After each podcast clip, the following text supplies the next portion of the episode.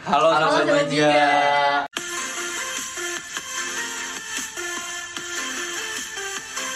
Uh, kembali lagi di podcast Live Like the Jenis. Sebelumnya perkenalkan, aku Syaskia Demsi dari Ilmu Komunikasi 2019 dan Aku Rehan Sampuro dari Ilmu Politik Angkatan 2020 Oke, eh, salam kenal semuanya. Nama gue Muhammad Taufik Saladin dari Ilmu Politik tahun 2019. nah hari ini kita balik lagi di Live Like the Jenis volume kedua. Dan yang sebelumnya kita tuh ngebahas apa sih Sal? Tahun lalu tuh, eh tahun, tahun lalu. Beberapa bulan yang lalu. volume sebelumnya Ya. kita ngebahas soal Trump sama kebijakan pandeminya mereka di COVID-19.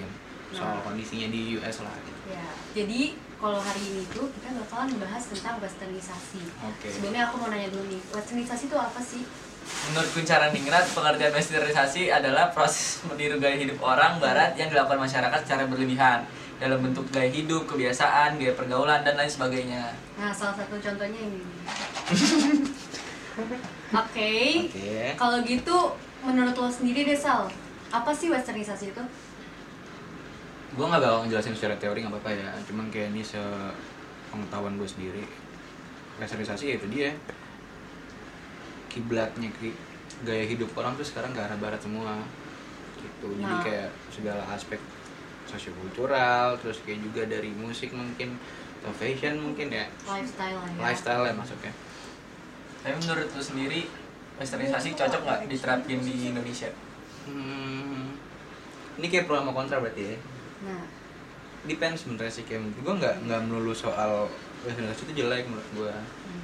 kayak kalau dari soal etos kerja bagus terus kayak dari segi teknologi juga iya cuman ya sama kita nggak boleh lupa juga kalau kita punya budaya lokal yang nggak bisa tergeserkan juga gitu loh cuman emang kadang kontradiktif aja sih ya benar. jadi kayak jujur gue nggak bisa nyimpulin ini tuh gue pro atau kontra jadi kayak gue sebisa mungkin seobjektif gue nyikapinnya kalau lo gimana Kalau menurut gue sendiri, sebenarnya emang westernisasi itu em, menggeserkan nilai budaya kita ya. Kayak ya banyak lah yang bisa kita temuin sekarang contohnya. Tapi em, menurut gue sendiri, sebenarnya kita itu posisinya eh, mundur salah maju salah Iya, gitu loh. Jadi kayak kalau misalnya kita terlalu ke barat-baratan ya itu dia kita bakalan em, ada pergeseran budaya di Indonesia. Tapi kalau kita kita nggak mengikuti em, westernisasi ya kita bakalan terbelakangi gitu. cuman kayak gue malah jadi mikir lagi sebenarnya kenapa kok bisa jadi sekarang peserta barat doang kayak bakal kesampaian gak sih kayak mungkin ya suatu waktu nanti eh, di masa yang akan datang kayak mungkin yang peserta ntar Indonesia gak sih atau mungkin nih budaya Melayu gitu yang mungkin nanti bakal di jadiin poros dari segi aspek apa pun gitu jadi role model Sebenarnya gini sih, kalau menurut gue sendiri tuh eh, lebih ba- balik lagi ke kita masyarakat Indonesia. Kita tuh sebenarnya eh, punya banyak budaya yang sebenarnya bisa kita banggain. Tapi sekarang pertanyaannya, kenapa sih kita nggak bisa banggain apa yang ada di Indonesia gitu loh? Sebenarnya kalau menurut gue kayak apa ya?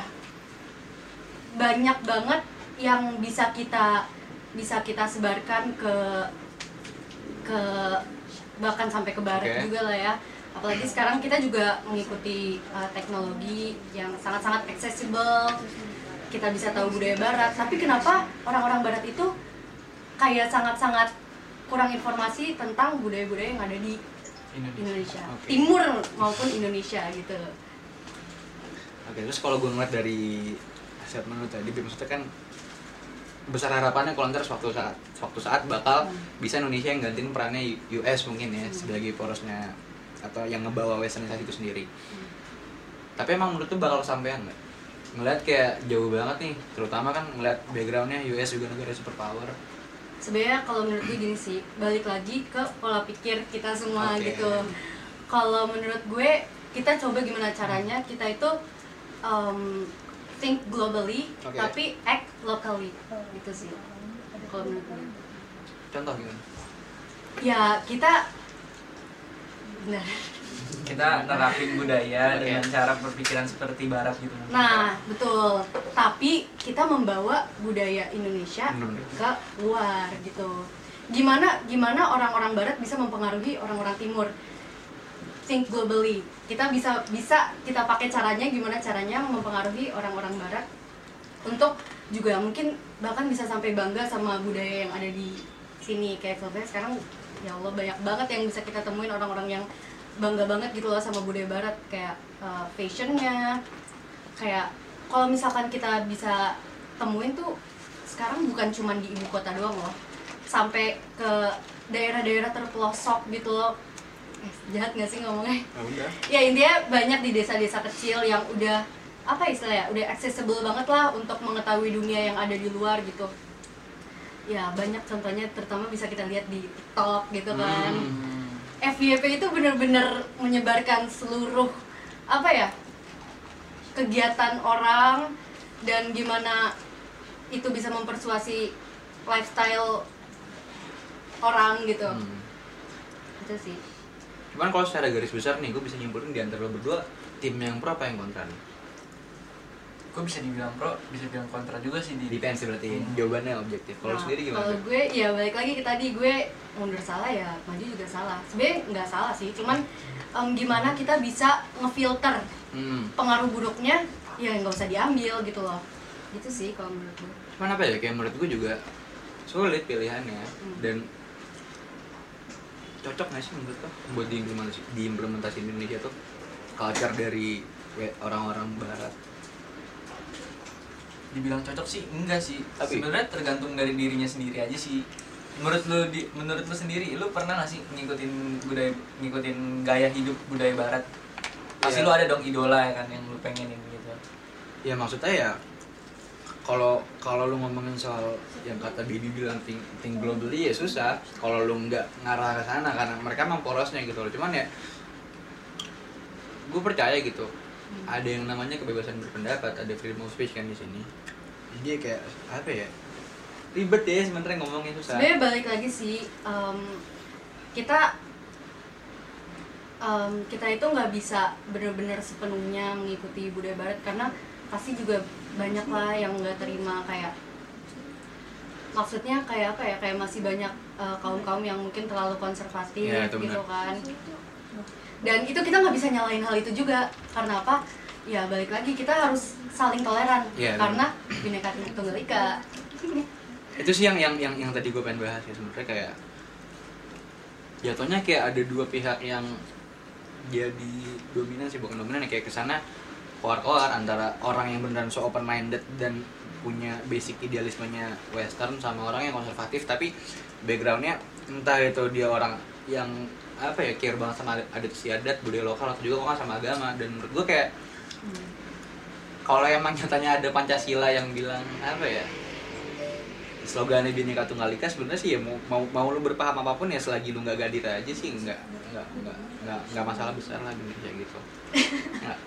Bener bener bener. Terus balik lagi nih ke open minded Hmm. menurut gue sendiri open minded tuh bukan gimana kita bisa em, menerima budaya budaya barat dan kita bisa mengimplementasikannya. Tapi gimana kita bisa em, membatasi dan juga kita bisa bersikap toleran. Open minded itu bukan membenarkan hal yang salah ya nggak? Iya benar. Tapi kita bisa em, memosisikan diri kita di berbagai pandangan dan kita bisa memahami kita bisa eh, bersikap sebagaimana seharusnya. Gitu oh ya eh, by the way kita di sini mau ngingetin lagi ini cuma personal opinion dari kita bertiga ya. Jadi kalau misalkan emang nyatanya gua baby atau mungkin ubas Rehan salah tolong dikoreksi nggak apa-apa. Soalnya kayak ini kita coba speak up doang kok gitu. Hmm, oke. Apa nih? Jadi lu tadi udah, udah kita udah sempat ngebahas soal eh, dari segi pengertian. Pengertian.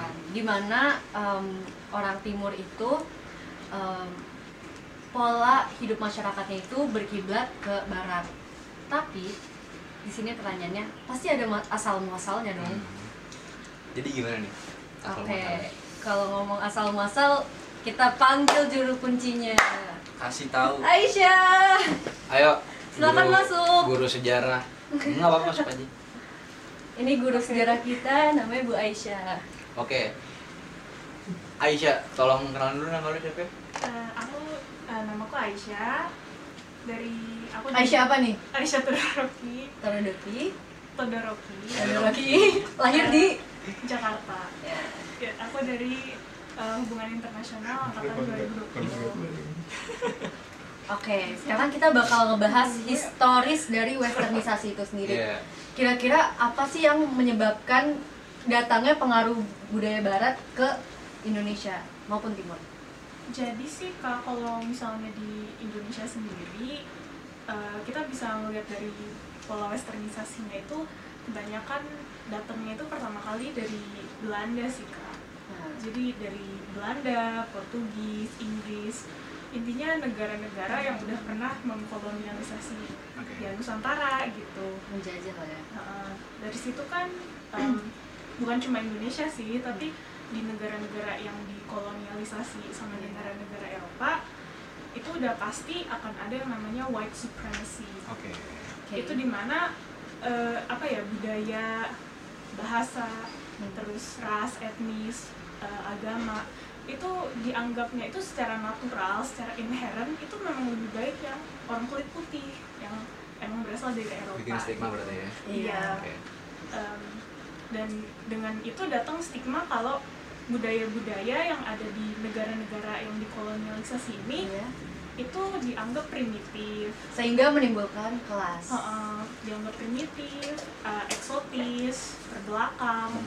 Eh, kalau misalnya kita mau lihat dari negara lain sih kayak di Filipina dulu eh, pas dikolonialisasi sama negara-negara di Eropa itu mereka itu eh, diculik terus di akan dibawa ke berbagai negara untuk diparadekan dengan sirkus. Jadi mereka itu ditunjukkan kayak Sebagai lelucon. uh, uh, sebagai lelucon. Ini uh, dengan itu menunjukkan kalau kolonialisasi itu bagus karena kita menyelamatkan mereka dari keprimitifan mereka sendiri. Iya. gitu. Jadi ada anggapan itu.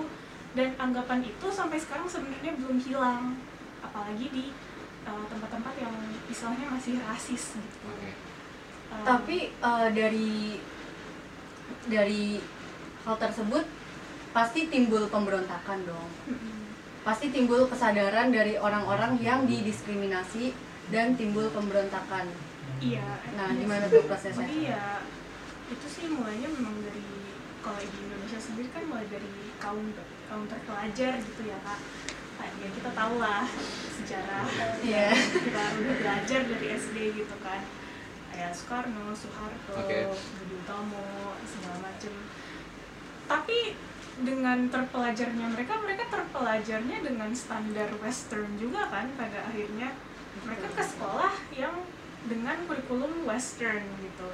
Jadi pemikiran mereka itu juga jatuhnya lebih Western gak sih? Maksudnya kalaupun nggak dengan basis Western Iya, itu juga dengan standarnya Western gitu. Dia sebenarnya kayak bingung nggak sih kayak menurut gua gue mencoba argumentasi secara ini ya secara uh, objektif. Maksudnya kayak negara-negara kayak Malaysia kayak Singapura pun awalnya juga dijajah cuma pada Iya. akhirnya mereka pun maju karena karena ada campur tangan dari sang penjajah itu sendiri dari Inggris yang masuk ke Singapura dan ke Malaysia gitu.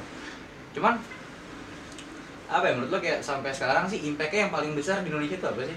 Dari apa ya akarnya kan dari kolonialisme dari dari apa ya masa penjajahan pada era-era sebelum kemerdekaan kan kalau dari penjajahan sih ya udah jelas sih ya kayaknya itu sistem hukum misalnya Iya. atau uh, Hmm. apa ya kayak sistem apa sih namanya Em, kapitalisme Kapitalisme. Iya, benar. itu kan datangnya dari Amerika dan apa ya em, ada stigma di mana oh apa American exceptionalism ya di situ Iya. di mana Amerika baik Cina jahat dan sebagainya. Padahal kan di situ kan ada relasi yang uh, sangat complicated yang bisa dilihat dari ratusan tahun yang lalu.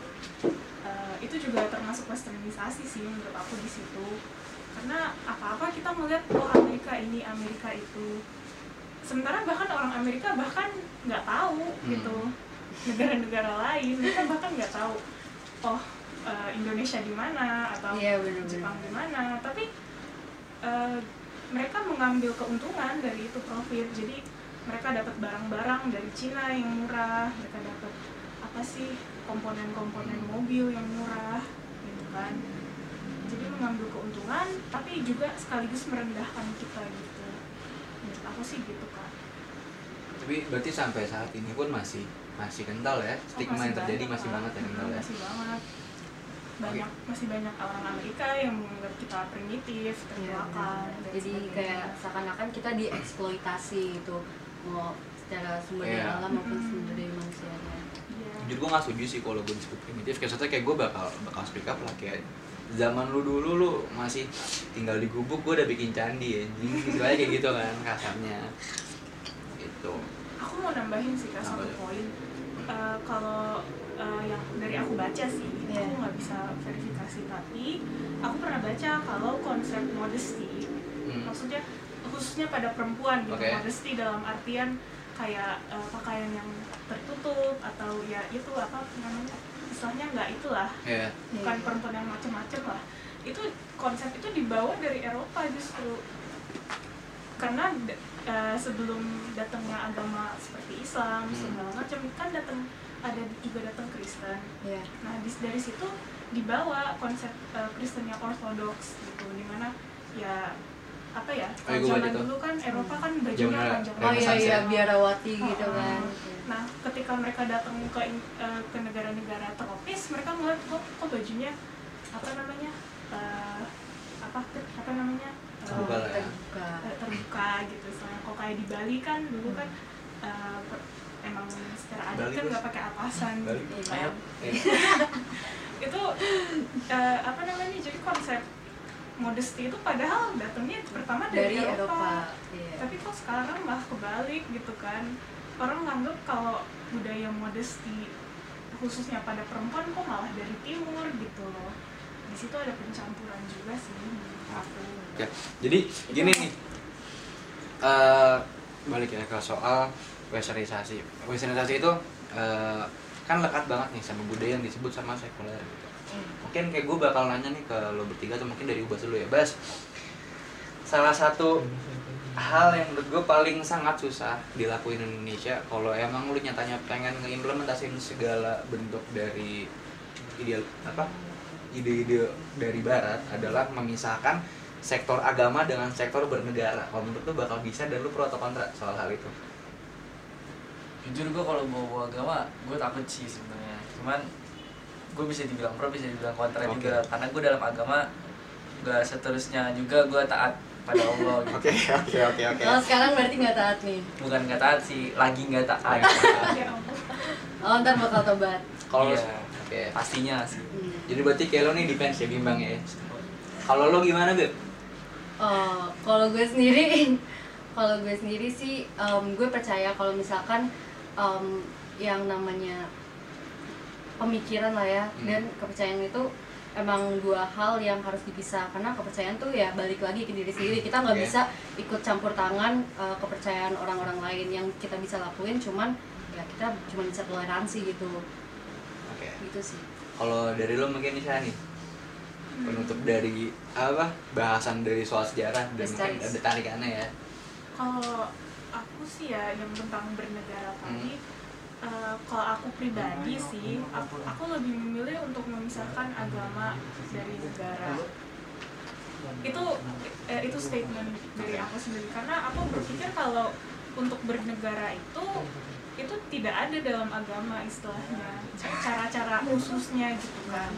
Kalaupun misalnya nih dalam Islam nih eh, ada tentang zamannya Rasulullah Hmm. kayak apa sih iya iya iya ya ormas-ormas zaman Hmm. sekarang aku ngerasa itu nggak bakal bisa diaplikasikan dengan baik Benar, ke benar, benar, benar. Indonesia apalagi yang negaranya ber, ber- apa beratus-ratus kali lipat betul betul besarnya dari bahkan em, para filsuf-filsuf dari Yunani kuno di mana mereka itu mempertanyakan soal dunia, soal Iya. agama.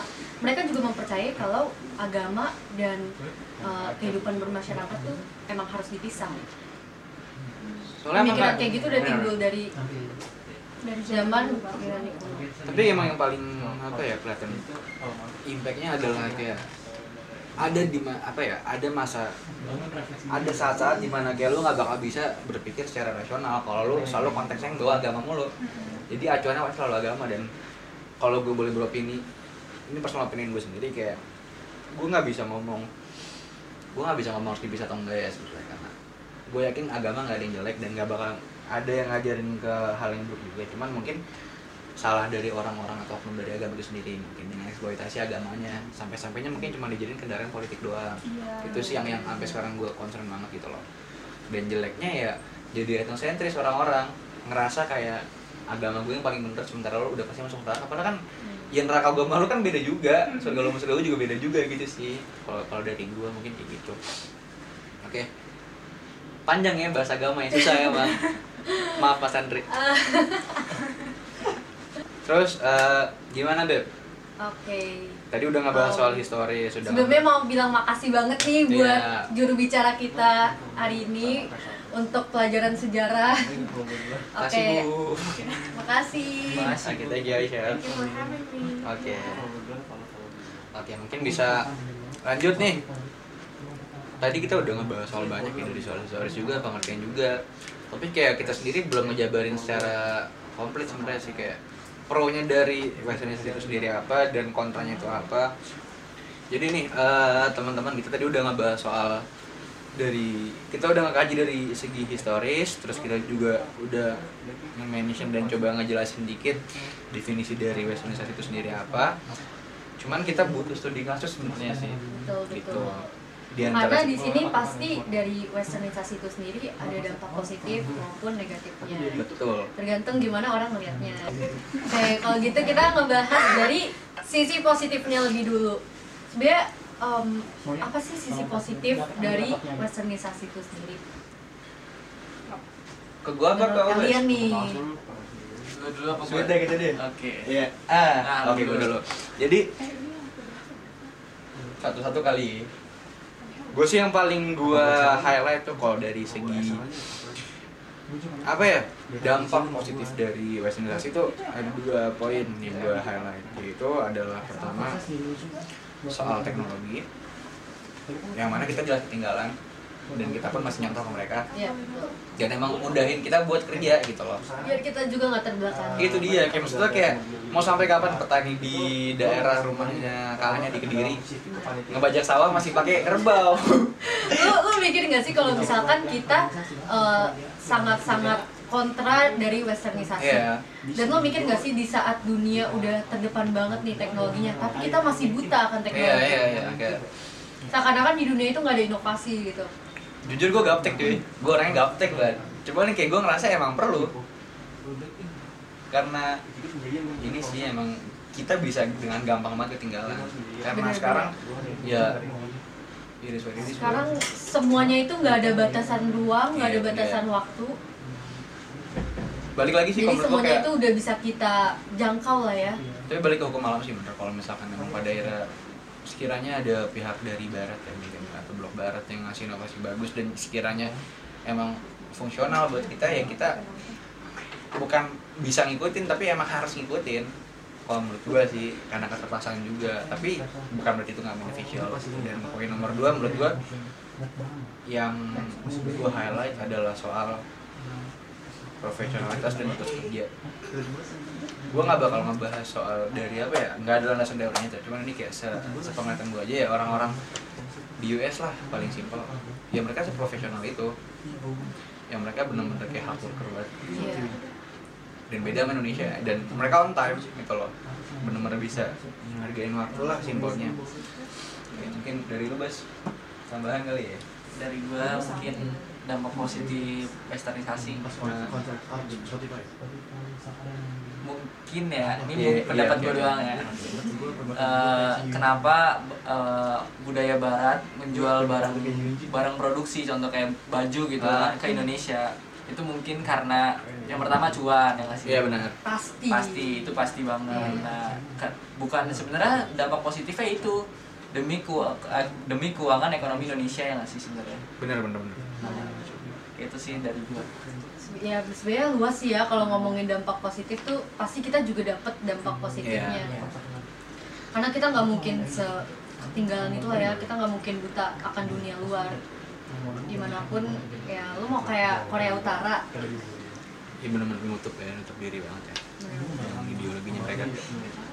Oke sekarang kita ngomongin yang serunya banget nih. Apa kontra kira-kira apa sih dampak positif dampak negatif, Negatif. dari westernisasi itu sendiri gimana mas pendapat lo menurut pendapat gue sih ya itu kita, kita tuh sebenarnya Indonesia tuh banyak banget budaya di, eh, di setiap daerah Hmm.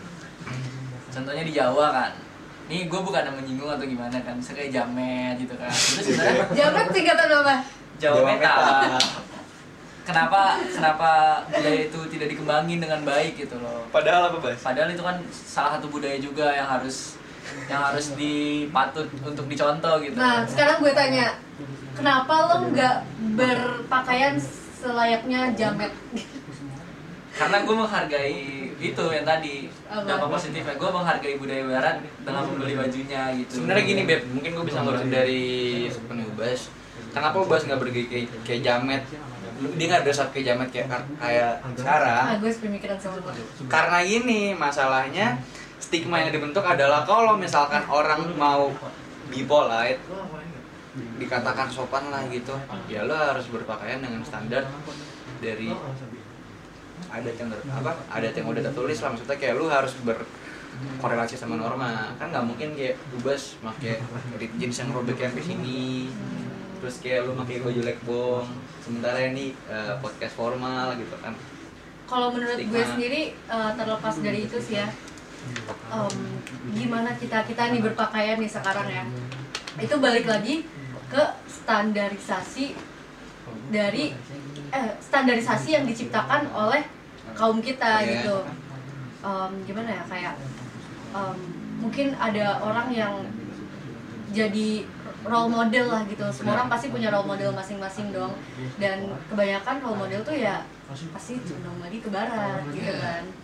Ya menurut gue sendiri sih mungkin karena budaya zaman itu udah dipandang diri jelek Nah, gitu. itu- itu dia standarisasi. stigmanya jadi kebentuk ya. Benar. apa pun yang sebenarnya kalau menurut gue sih sama lainnya kayak lu metalhead di US gitu yang demen yang demen sama Dream Theater atau Motorhead juga sebenarnya sikapnya sama-sama aja kayak jamet anjing. Iya. atau mungkin lu bocah-bocah EG di US gitu. Kita ngeliat itu sesuatu yang keren iya. Ya benar-benar. Karena emang mereka polosnya.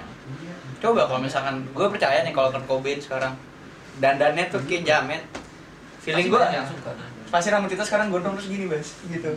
Percaya sama gue terus? Balik lagi ke apa yang lagi jadi tren gak sih? Iya benar. Ya kan? Terus tadi kalau dari itu sih menurut gue yang yang paling di highlight ya. Emang jadi budaya lokal tertulis ya. Itu udah pasti.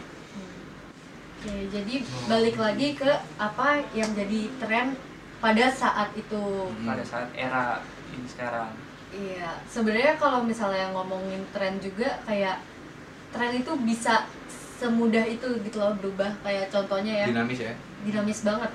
Contohnya, gue ambil kasus nih. Siapa namanya Bowo TikTok. iya Nah dulu kan dia kan ini nih eh, awalnya main TikTok, eh, pakai lagu-lagu yang orang-orang bilang jamet lah, semua apalah. orang ngejudge dia ya Iya, semua orang ngejudge dia. Tapi sekarang semua orang yang even lifestyle-nya ke barat-baratan sekarang jadi main TikTok dan make make lagu yang dianggap jamet pada pada zaman pada saat itu. Contohnya lagu apa tuh, Bas? aduh kurang tahu sih sebenarnya saya tuh contohnya dong Beb, kan lo download TikTok nih gue mau bahas enggak soalnya nih. Iya. Apa ya? Gak bisa gue.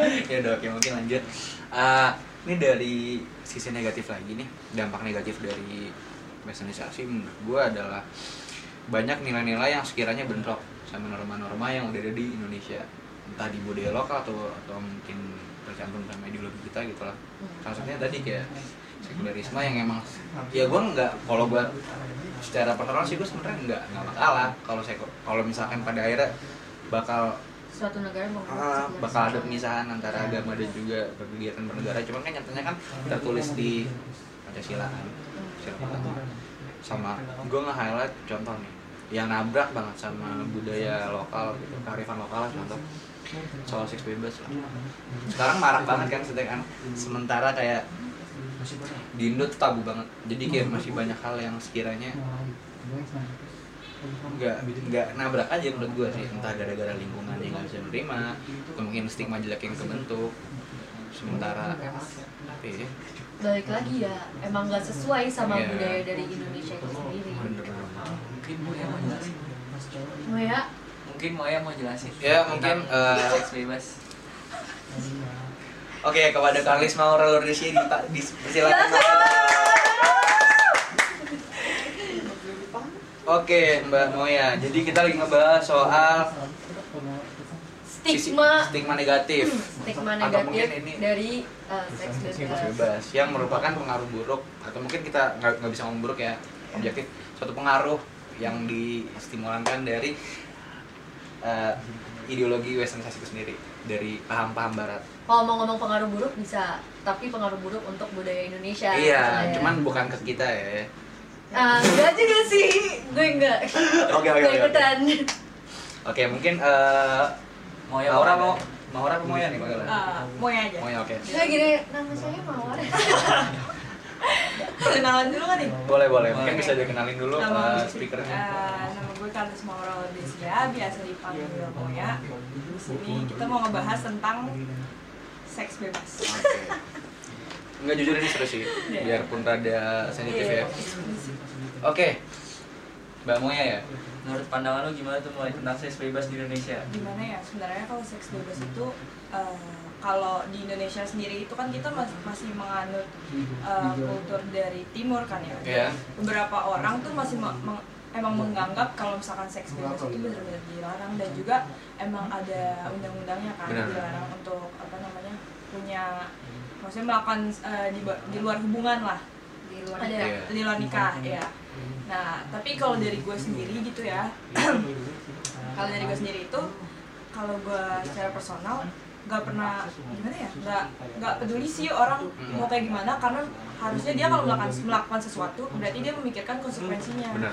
Berarti balik lagi, berarti eh, lo setuju sama em, kepercayaan dan eh, kehidupan bernegara itu emang harus dipisahkan. iya Kayak lanjut. Cuman nih, eh, menurut lo kan banyak nih perge- pergeseran nilai budaya lokal atau mungkin norma-norma lokal ya gara-gara adanya westernisasi. Cuman menurut lo kayak contoh paling simpel kayak tadi soal seks bebas ya bisa kejadian atau mungkin kayak banyak kasusnya kayak orang-orang yang BE Oh. atau sebagainya karena kurang nggak sih menurut lo sex education di Indonesia Iya karena menurut gue tuh sex education di Indonesia itu masih dianggap sebagai hal yang tabu Iya. padahal buat anak kecil aja tuh sebenarnya perlu tapi emang mungkin cara menyampaikannya aja beda nggak sesuai sama nggak sama kayak kita yang seumur, eh, udah gede lah istilahnya gitu. Hmm. Simpelnya sih gini kalau gue bisa narik kesimpulan ya, lu nggak pernah salah buat tahu suatu hal gitu kan. Iya. Cuman ini depends lagi lu mau gunainnya buat apa. Kayak Gimana cara kita bisa Iya. Contoh kayak gue punya adik gue bakal ngasih tahu cara dia reproduksi itu kayak gimana dan hal apa ya maksudnya bagian-bagian mana yang sekiranya vital nggak boleh disentuh sama orang lain terlebih cowok yang bukan keluarga gitu. Ya kayak gitu sih menurut menurut gue ya secara objektif terus ap- apalagi nih kira-kira Eh, ini sih masih masih gimana ya? Eh, bukan kayak bingung gitu banyak orang yang masih memperdulikan privat. Ini menurut gue tuh kayak privasi orang lain Ya. gak sih? Hmm, kayak kalau dia melakukan itu berarti kan dia punya kesepakatan sama dua dua orang ini kan. Terus gue ya ya udah gitu biarkan mereka menerima konsekuensi kalau misalkan terjadi apa-apa. Dan tapi tuh masih banyak banget yang kayak ih masa dia gitu. Jujur apa ya kayak gue kalau ngomongin soal privasi kayak ini masuk ke poin yang gue bilang adalah eh, impact positif dari westernisasi Iya. ketika lu bisa ngejaga banget privasi seseorang dan gue sepakat sama hal itu. Kalau lo gimana soalnya gue jujur kayak apa ya? Risih anjing kayak sama sama tuh banyak hal-hal yang bukan konsumsi publik. Iya benar-benar Kalau di Amerika sendiri kan sangat-sangat mengedepankan uh, kebebasan hak individu kan. Menurut gue tuh privacy itu termasuk dari kebebasan hak individu itu sendiri gitu sih. Jadi kayak ya privacy kita ya hak kita. Apa yang kita lakuin ya emang kalau menurut gue sendiri ya nggak sepatutnya diurusin sama orang lain kecuali orang tua kita, Iya. keluarga kita dan itu em, terlepas dari hukum ya maksudnya kalau misalkan udah menyentuh ranah hukum ya itu balik lagi ke diri sendiri juga gitu sih Oke, oh ya sama tadi gue kan ini masih ngebahas soal sisi negatif ya, atau mungkin dampak negatif dari westernisasi. Gue tadi sempat highlight kayak kita nggak pernah ngebahas ini dari tadi. Dan gue kayak gara-gara hal itu juga banyak nih budaya-budaya lokal. Kayak contoh kita nggak bangga cuy. Kayak hilang banget nih rasa pride ke budaya lokal. Sementara gue padahal nggak kalah bagus menurut gue kayak jazz sama gamelan mungkin sama tipis aja nggak ada notasi yang yang apa ya yang yang spesifik tuh. Iya, dan nggak ada nggak ada kata-kata cuman ya udah. Play along aja. Kayak cuman stigmanya kan gitu pasti ya udah lu kalau main gamelan ya lu bocahnya anjing lu bopung gitu kan. banget. iya Kuno banget. tua lu gitu kan istilahnya Iya. Jawa Koplo pisan masuknya apa koplo gitu gua nggak tahu ya kalau Koplo tuh dangdut gak sih? Dangdut. Dangdut. tapi koplo kalau ngomongin dari segi historis juga tarikannya dari India oh pak iya iya kayak ada kalau keroncong kan dibawa dari Portugis tuh masuk ke Iya. Indo dan gua kayak susah kalau menurut gua kayak nggak ada budaya lokal Indonesia yang pure itu nggak ada karena kita negara yang emang bekas penjajahan juga dan kita dari segi ideologi pun kita nyomot-nyomot dari ideologi lain-lain kan jadi kayak gitu sih. Lu ada lagi nggak pandangan soal sisi negatifnya. Oh, atau apa bentar, gue mikir dulu ya. kalau tentang ini video misalkan dia melakukan sesuatu dan tersebar tuh gimana tuh oke itu kan maksud juga nggak Oh iya iya. kayak bisa lah itu balik lagi ke privacy gak sih? Ah. Sebenarnya tuh apa ya? Kayak menurut gue sendiri ya. Ini opini gue kadang tuh nggak adil em, gimana orang yang yang terkenal banget gitu yang punya nama kayak Gisel tersebar dan dia sampai em, dapat tuntutan dari hukum lah gitu lah ya tapi ada orang yang tersebar tapi ya ya udah dia cuma dapat apa sih kayak eh, perlakuan buruk dari Oke. masyarakat gitu cuman emang menurut gue sih tumpang tindih ya karena Iya. sometimes kalau misalkan lu balik lagi ke gue ambil pakai perspektif liberal deh ya kalau mau lu istilahnya lu mau gitu terus lu videoin ya udah sel- selagi nggak ketahuan aja. Dan kadang kan yang nyebarin bukan mereka sendiri hacker hacker Iya. yang yang nyebarin orang-orang yang bisa ngeretas. Ya logikanya siapa sih yang mau begitu terus nyebarin anjing kan kayak nggak ada nggak aja sih ada aja Eh, sih. misalkan man- pacaran terus putus ya kan? Putus. Iya. jadi dendam tersendiri gitu. Iya bener sih. Tapi kalau buat kasus Gisel itu kadang ini gak sih kayak ada beban tersendiri juga soalnya dia public figure. Iya. nah itu itu. Bisa jadi depresi ya gitu Iya. sebenarnya makin ke sini juga makin banyak public public figure yang kayak kita nggak nyangka ternyata kayak gitu tapi balik lagi sebenarnya kita nggak perlu terlalu Gak perlu tahu ya karena ya udah itu pasti dia melakukan kayak gitu udah mikir gimana Hmm. uh, konsekuensinya dan segala macam. Iya. cuma kayaknya kena apes aja gitu masih banyak banget yang mungkin kita lihatnya tuh Ya. iya masih banyak banget yang mungkin kita lihatnya tuh polos tapi kita Iya. nggak tahu belakangnya dan yang bisa kita lakuin cuman ya Ya emang emang emang emang, emang seringnya kayak gitu sih sebenarnya. Ya balik lagi kayak lu mau ngejaga privasi orang atau enggak gitu loh. Dan maksudnya kan kayak lo nggak bisa anjing kayak orang tuh punya satu kesalahan gitu. Mungkin enggak kesalahan sih. Mungkin kayak lu punya something yang gak enak didengar gitu. Tapi lo langsung judgmental nih kalau nih orang anjing nih orang sampah gitu kan. Normanya buruk padahal lu nggak apple to apple buat nge-compare satu sama lain gitu kan. Iya sih, jadi kayak harus harus open sih menurut gue. Cuman kayak itu dia balik-balik ke statement yang awal gue bilang ya. Tapi emang ada norma yang udah berlaku. gitu. Iya. Jadi kayak apa ya? Kalau menurut gue sih kayak gue orangnya suka gue gue gue nggak suka ribut gue orangnya damai banget dan gue suka kebebasan kan cuman itu dia gue harus cocok kebebasan pun juga ada batasannya. Ada batasannya. Mau kita kayak terkena pengaruh westernisasi di barat pun juga sebebas-bebasnya Iya, betul, orang betul. pasti punya batasan Betul. sendiri. Makanya kan ada Gak mungkin orang free sex di tengah jalan. iya makanya kan kan? ada hukum jadi yang yang yang gue tangkap anjing gue mesti distrik gue oke pokoknya yang gue tangkap adalah simpel lagi nih sih lu bebas. Mau mau megang paham apa ideologi apa atau mungkin kayak lu mau ngikut ke western atau mau lu ngikut ke eastern segala macam gue nggak masalah. Tapi yang pasti lu jangan gadir karena lu sekarang lagi nginjek di tanah mana gitu. Iya. namanya pun berlaku. Jadi kayak maksudnya kalau kalau lu pengen di respect sama orang-orang yang emang jatuhnya kayak pribuminya ya lu harus respect mereka juga gitu. Dan- intinya balik lagi ke toleransi Iya, ya. Iya dia. benar benar benar. how to respect each other berarti ya? Iya, Oke. kebebasan individu itu pasti ada. Cuman eh, ingat kalau ada adanya namanya toleransi.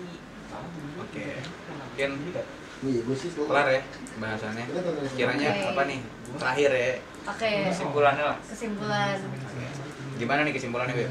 kira-kira. Dulu deh. ya dari Bas dong menurut gua westernisasi itu bisa dibilang penting gak penting sih jadi gua pun juga westernisasi juga gitu jadi kesimpulannya ya Ya kita semua juga kena Iya. pengaruh barat. Iya.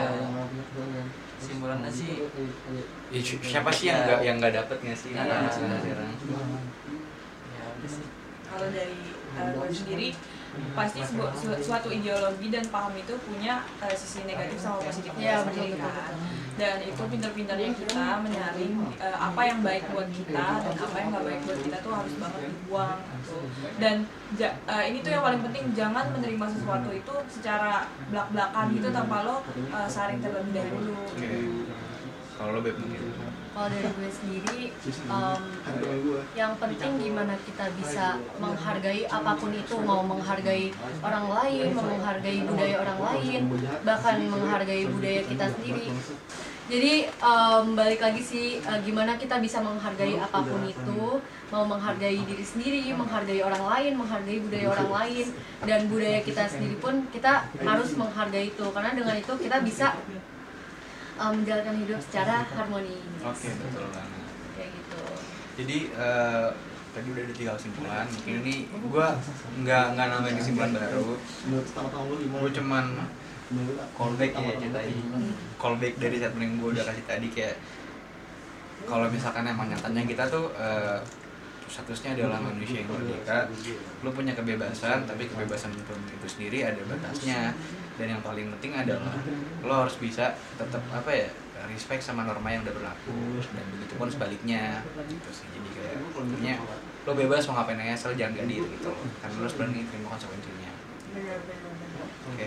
Kalau kata guru gua nih, apa tuh? Apa tuh? Apa tuh? Apa tuh? di situ bumi dipijak, di situ langit dijinjing. artinya apa? Artinya di mana pun kita berada kita harus tetap mematuhi aturannya. benar juga betul gitu. betul betul betul. Oke, jadi sekian eh, dari podcast LD hari ini banyak banget bahannya ya. Bahasnya melipir coy. Oh iya kita mau mau manggil Bayu. salah satu budaya uh, orang yang terkena budaya bukan western sih tapi eastern yaitu Bayu. dan budaya Korea dan budaya Jepang nih. Oke. Reza.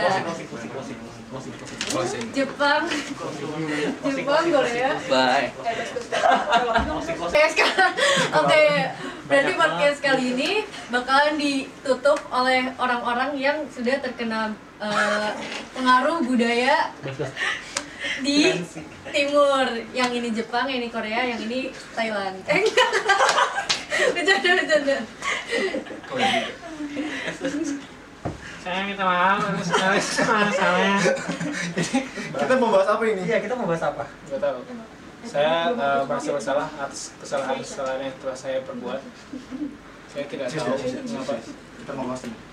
Gue gak tahu sumpah kenapa gue dibawa. Gue juga gak tahu kenapa dipanggil. Kenapa lo suka Arab? Jepang. Jepang, Eastern. Eh, iya. Iya. Kalau. Kenapa ya? Gara-gara eh, ya karena kayak awalnya kan kartun tuh kan kayak SpongeBob, terus Naruto, Rencana lu terus gimana? udah ada di Global TV gitu kan, atau nggak di SpongeBob? Global TV. Iya Global TV.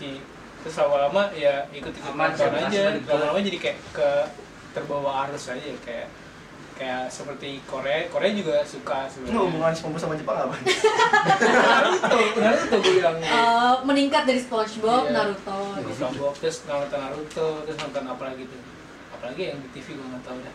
Doraemon ya kan, Hmm. Shinchan, terus habis itu Cyborg, Cyborg Kurochan, terus Nggak tahu gitu. Iya. Nggak tahu gue juga. Ya, lu Pokemon, mesti- nyanyi Pokemon. Nggak- terus habis itu eh, iya udah habis itu apa lagi udah ya gue juga gue juga suka nih tentang Korea Korea juga jadi eh, Kayak lo sukanya eh, orang timur. Cina Enggak sih. suka? Oh enggak. Enggak, suka Thailand, Thailand. Thailand bukan timur. Timur dong Timur. Timur dong. Timur Tenggara.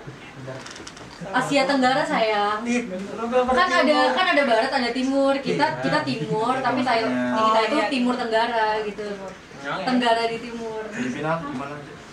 Filipina Filipina cewek Iya cakep kan? Iya maksudnya kita bagian timur tapi Asia Tenggara gitu. Ini kita nggak nggak gue nggak sih? Kan disuruh closing doang. Enggak, enggak, enggak, ini kan kan gue udah kan gue udah menjelaskan apa namanya apa yang gue eh, kayak alasan Kan gue mengapa suka budaya Jepang dan Korea. Kalian juga udah menjelaskan juga Waduh. Kayak tadi budaya apa dulu Awalnya kalau gue, gue nggak suka sama K-pop K-pop gitu. Gue benci banget. Terus. Benci banget tuh. Terus? Kan cowok-cowok kan kayak gitu kan. Ah. Modelan operasi plastik semua. Oke. Maafin, eh, ntar yang nonton marah gitu. Enggak, enggak, enggak, enggak. Ini canda soalnya gue jadi suka. biasanya yang marah apa nih Fandom apa nih biasanya Mar? Ya, ya apa sih yang demenin cowok? BTS kan misalnya. Oke, terus. Halo Army. Dia bukan Army. Maksudnya kan Jadi Lapis eh, gua tuh suka sama sebuah grup cewek nih di Korea nih. Bajunya udah sesuai dengan celana. celana Iya. Bener. Black Blackpink. Pink.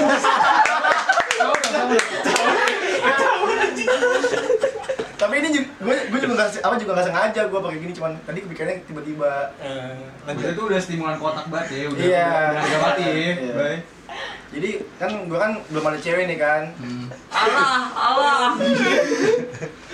Oh, promosi diri nih. Cewek-cewek nih promosi diri jomblo katanya. Ya, siapa tahu kan ada yang datang gitu kan nggak ada tahu gue entah apa nonton podcast kan gabut datangin gue gitu Kalau gitu kasih tahu gitu IG-nya promosi juga, baik. Apa? Kalau gitu gue promosi juga. IG-nya apa IG-nya? IG-nya sebutin, IG-nya sebutin. nanti aja Oh. komennya komen nanti biar gue hubungin di komen Anjing makboy banget. bercanda bercanda bercanda pengen menjelaskan. Gua tuh nggak suka. Blackpink ya cukup cukup cukup Nah, nah, nah, nah, nah, nah. Itu G kan? Iya, G. Nah, nah, G, G, G, G, G. Nah, nah, ceng, ceng, ceng, ceng, nah, nah. Ah, ah, ah, ah, ah. Closing statement, closing statement. Jadi eh, saya sebagai em, eh, pem- pemegang acara MC eh, MC Wis, ya, wis, wis, pemegang acara pemegang acara Doing Jenis terima kasih. Eh, makasih banget telah menonton podcast hari ini dan dan see you next next Episode. next episode. follow IG gue Apa? IG-nya apa? ntar gue ntar gue DM yang di komen Eh intermission next episode bakal ada siapa? Oh iya ada salah satu apa ya host juga terus tamu. iya dia Tamu. ke- a- apa kerjanya apa dia host Eh terus kok kok yang ngomong jadi kita dah bukan eh, hostnya. broadcaster juga kan Iya, radio terkenal satu- banget. radio Dan bisa dia tahu. juga. Kalian pasti eh, harus nonton gak sih episode 3 ini nanti? kasih clue Tayangnya kapan? Kasih Yang nonton pokoknya dibagiin longles. Oh, itu Ah, itu cluenya. Nanti tunggu aja yang nonton langsung ada burger lawless di depan mata kalian. sekut cuy Oke, Sekian dari kami dari podcast dari podcast episode 2 apa podcastnya? Live like Dennis. Gamsamnida. Dadah. Dadah.